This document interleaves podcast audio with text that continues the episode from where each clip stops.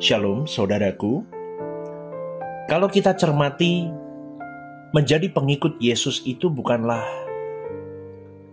sesuatu yang simpel, saudaraku. Mengikut Yesus atau menjadi seorang pengikut Yesus bukan berarti bahwa dirimu cukup dengan beragama Kristen, atau dirimu dan diriku cukup menjadi sebuah anggota sebuah denominasi gereja. Menjadi Kristen juga tidak cukup dengan menjadi aktivis jemaat atau engkau dan saya menjadi hamba Tuhan, menjadi pendeta, menjadi evangelis, menjadi penginjil, misionaris dan sebagainya. Tetapi mengikut Yesus, saudaraku, berarti engkau dan saya mau tidak mau harus mengikuti jejak Yesus Mengikuti jejak Yesus berarti mencontoh, meneladani seluruh gaya hidup Yesus. Jadi begini saudaraku, mandat untuk meneruskan karya keselamatan di dalam Yesus Kristus sebenarnya di dalamnya termuat mandat untuk menampilkan kehidupan seorang anak Allah yang dapat diteladani. Maka dari itu tidak cukup seseorang hanya hebat berteologi. Masuk sekolah teologi, jenjang sarjana, master, bahkan sampai doktor dan jika boleh sampai profes, profesor sekalipun, akhirnya engkau hebat di dalam berteologi, cakap di dalam berteologi, cakap di dalam mendiskusikan dan mengajarkannya. Tetapi Tuhan mengendaki apa yang dilakukan, yang dia lakukan juga harus kita lakukan sebagai orang percaya. Di dalam Yohanes 13 ayat 15 firman Tuhan jelas berkata seperti ini. Sebab aku telah memberikan suatu teladan kepada kamu supaya kamu juga berbuat sama seperti yang telah kuperbuat kepadamu. Kristus sebagai teladan, saudaraku. Kalimat ini dimaknai oleh Petrus di dalam 1 Petrus 2 ayat 21 dia berkata seperti ini. Sebab untuk itulah kamu dipanggil karena Kristus pun telah menderita untuk kamu dan telah meninggalkan teladan bagimu supaya kamu mengikuti jejaknya. Jadi saudaraku, sebagai orang percaya, engkau dan saya harus meneladani Yesus supaya tujuan ada tujuannya. Kenapa kita harus meneladani Yesus? Karena memang dia satu-satunya adalah role model, adalah teladan kekristenan yang harus kita ikuti. Setelah kita mengikuti Yesus, kita meneladani apa yang Yesus lakukan dan kita terapkan di dalam hidup kita. Maka hidup kita pun bisa menjadi teladan untuk orang lain sehingga hidup kita pun dapat diteladani. Ketika kekristenan yang mestinya jalan hidup, saudaraku, berubah menjadi lembaga agama yang memiliki susunan-susunan, strata. Jadi itu itu menjadi apa ya saudaraku boleh saya katakan seperti ada ada ada ada tembok pemisah antara rohaniawan dengan jemaat awam itu terasa ada tembok pemisah. Maka tidak jarang kaum-kaum rohaniawan ini dianggap manusia yang spesial, manusia istimewa. Itu sangat merusak saudaraku. Gereja akan kehilangan keteladanan kalau itu diterapkan. Kenapa? Karena kehidupan para rohaniawan ini dipandang memiliki frekuensi khusus dia memiliki jalur khusus ke Tuhan seakan-akan seperti itu. Padahal tidak begitu. Ini yang menjadi ironik untuk kekristenan yang boleh saya amati hari-hari ini, saudaraku. Maka saya selalu mengatakan di dalam pengembalaan saya, tidak ada yang spesial dengan saya. Kalau saya tidak bisa menghidupi pengajaran Yesus di dalam hidup saya, tidak perlu saya menjadi hamba Tuhan, menjadi gembala dispesialkan. Oh, tidak perlu. Maka dari itu, saudaraku, kalau ada gereja-gereja yang memberikan tempat khusus spesial, seakan-akan hamba Tuhan ini memiliki kawasan khusus kepada Tuhan. Itu bukanlah kehidupan wajar yang dapat ditemukan makna keteladanannya. Padahal Yesus sendiri pun mengatakan, orang percaya semua saudaraku, tidak hanya rohani, rohaniawan, tidak hanya pendeta, tidak hanya gembala, penginjil. No, semua, semua orang percaya adalah terang dunia. Di dalam panggilan menjadi terang dunia, saudaraku, anak Tuhan atau seorang rohaniawan tidak cukup memberikan penjelasan, penggambaran bagaimana hidup sebagai anak Allah yang benar, sebagai anak Allah yang sah, sebagai huios. Tetapi para rohaniawan ini harus dituntut menampilkan kehidupan sebagai anak Allah secara natural dan wajar.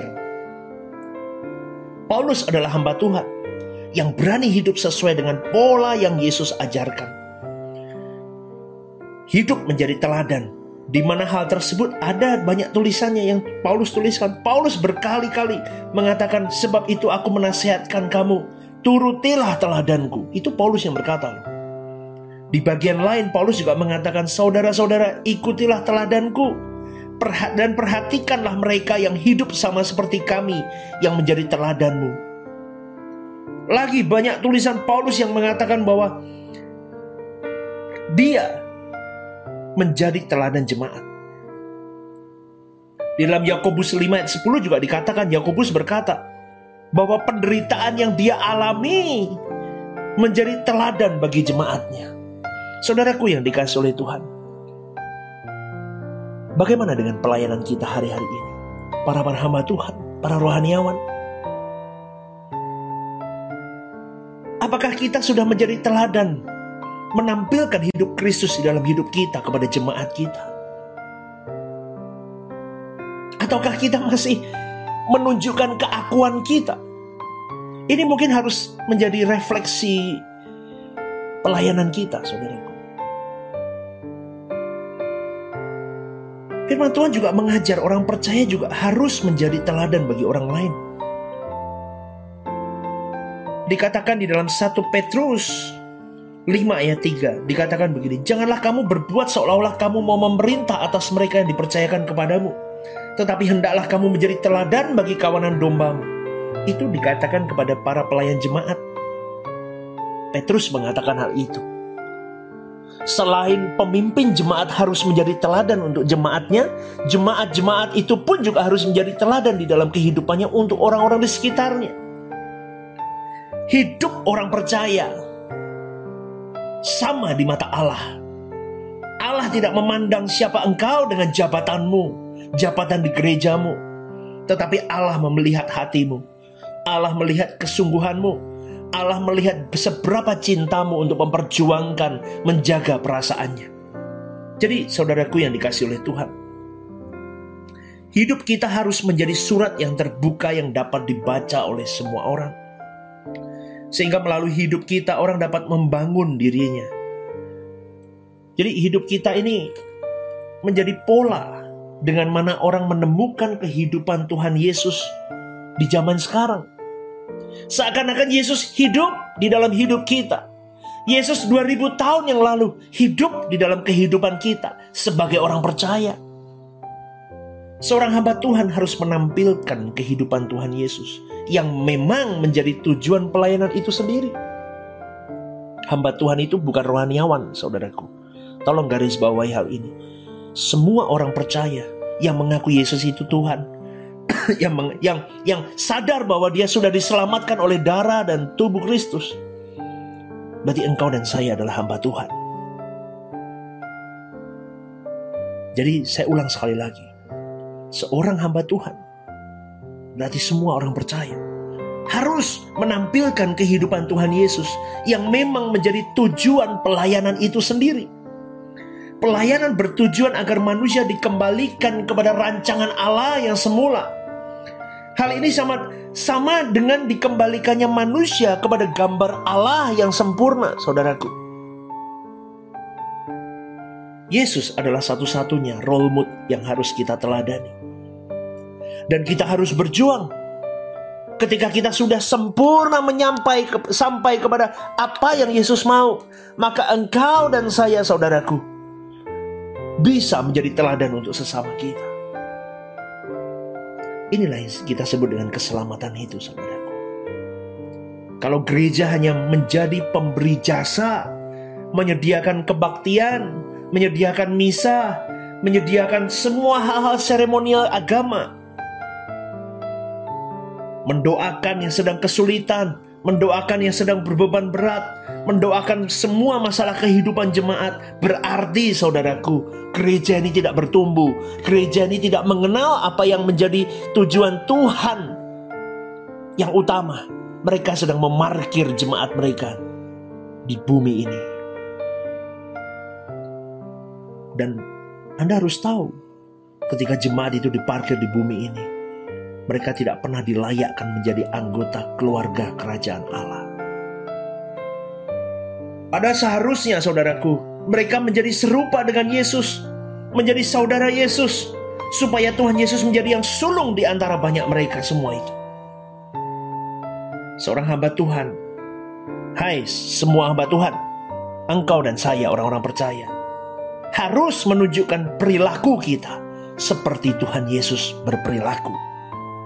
Kalimat yang lebih tepatnya begini: kita harus memperagakan kehidupan Yesus.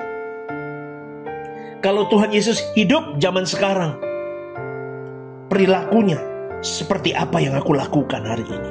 Ini berat, saudaraku. Maka dari itu, kekristenan tidak mudah.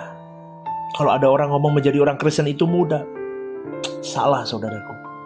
Menjadi orang Kristen itu sulit. Kenapa? Karena engkau dan saya Kristen yang sejati ya saya katakan harus dituntut berperilaku, berpikir, berucap, bertingkah laku sama seperti Yesus lakukan. Seandainya begini, jika Yesus hidup 2000 tahun yang lalu hidup zaman ini, itulah seperti saya. Dengan demikian, saudaraku, jemaat memiliki panduan harus menjadi menjadi seperti siapa mereka zaman ini. Sekarang ini menjadi PR kita jika keluargamu belum diselamatkan, harus kau tunjukkan melalui hidupmu. Ada Yesus yang hidup di dalam hidupmu. Jadi mereka akan melihat ada pattern yang bisa dia lihat, ada ada teladan yang bisa dia ikuti. Oh, kalau aku mau jadi Kristen yang sejati, seperti si A ini loh. Dia menunjukkan kehidupan Yesus yang real dalam hidupnya. Saya boleh simpulkan renungan ini dengan satu kalimat. Hidup kita menjadi pola dengan mana orang menemukan kehidupan Yesus zaman sekarang yang harus diteladani oleh mereka. Adakah itu engkau dan saya? Renungkanlah saudaraku. Mari kita masuk dalam doa. Bapakku dalam surga, terima kasih untuk hari ini. Kami diingatkan untuk kami tidak lupa kekristenan bukan hanya sebuah agama seremonial agama liturgi yang terus bertahun-tahun kami lakukan. Tetapi kami mau meneladani hidupmu. Kami mau seperti Yesus. Kami mau berjuang seperti Engkau. Kami mau hidup kami tampil seperti Yesus hidup di dalam zaman ini. Sehingga banyak orang dapat melihat teladan dalam hidup kami. Sehingga mereka dapat dimenangkan, jiwa mereka diselamatkan, jiwa mereka dapat kami bawa kepada Engkau. Sehingga mereka diselamatkan dan kami menjadi duta kerajaan Allah yang perfect, yang sempurna di mata Allah. Mampukan kami Bapakku. Hambamu berdoa untuk setiap pendengar renungan ini, Tuhan mampukan mereka. Yesus bersama dengan mereka dan kami semua menjadi duta-duta kerajaan Allah yang tidak mem, tidak mempermalukan nama Tuhan. Di dalam nama Tuhan Yesus Putramu yang tunggal kami alaskan doa kami ini. Amin. Shalom saudaraku. Sola Gracia. Jesus bless you. Haleluya.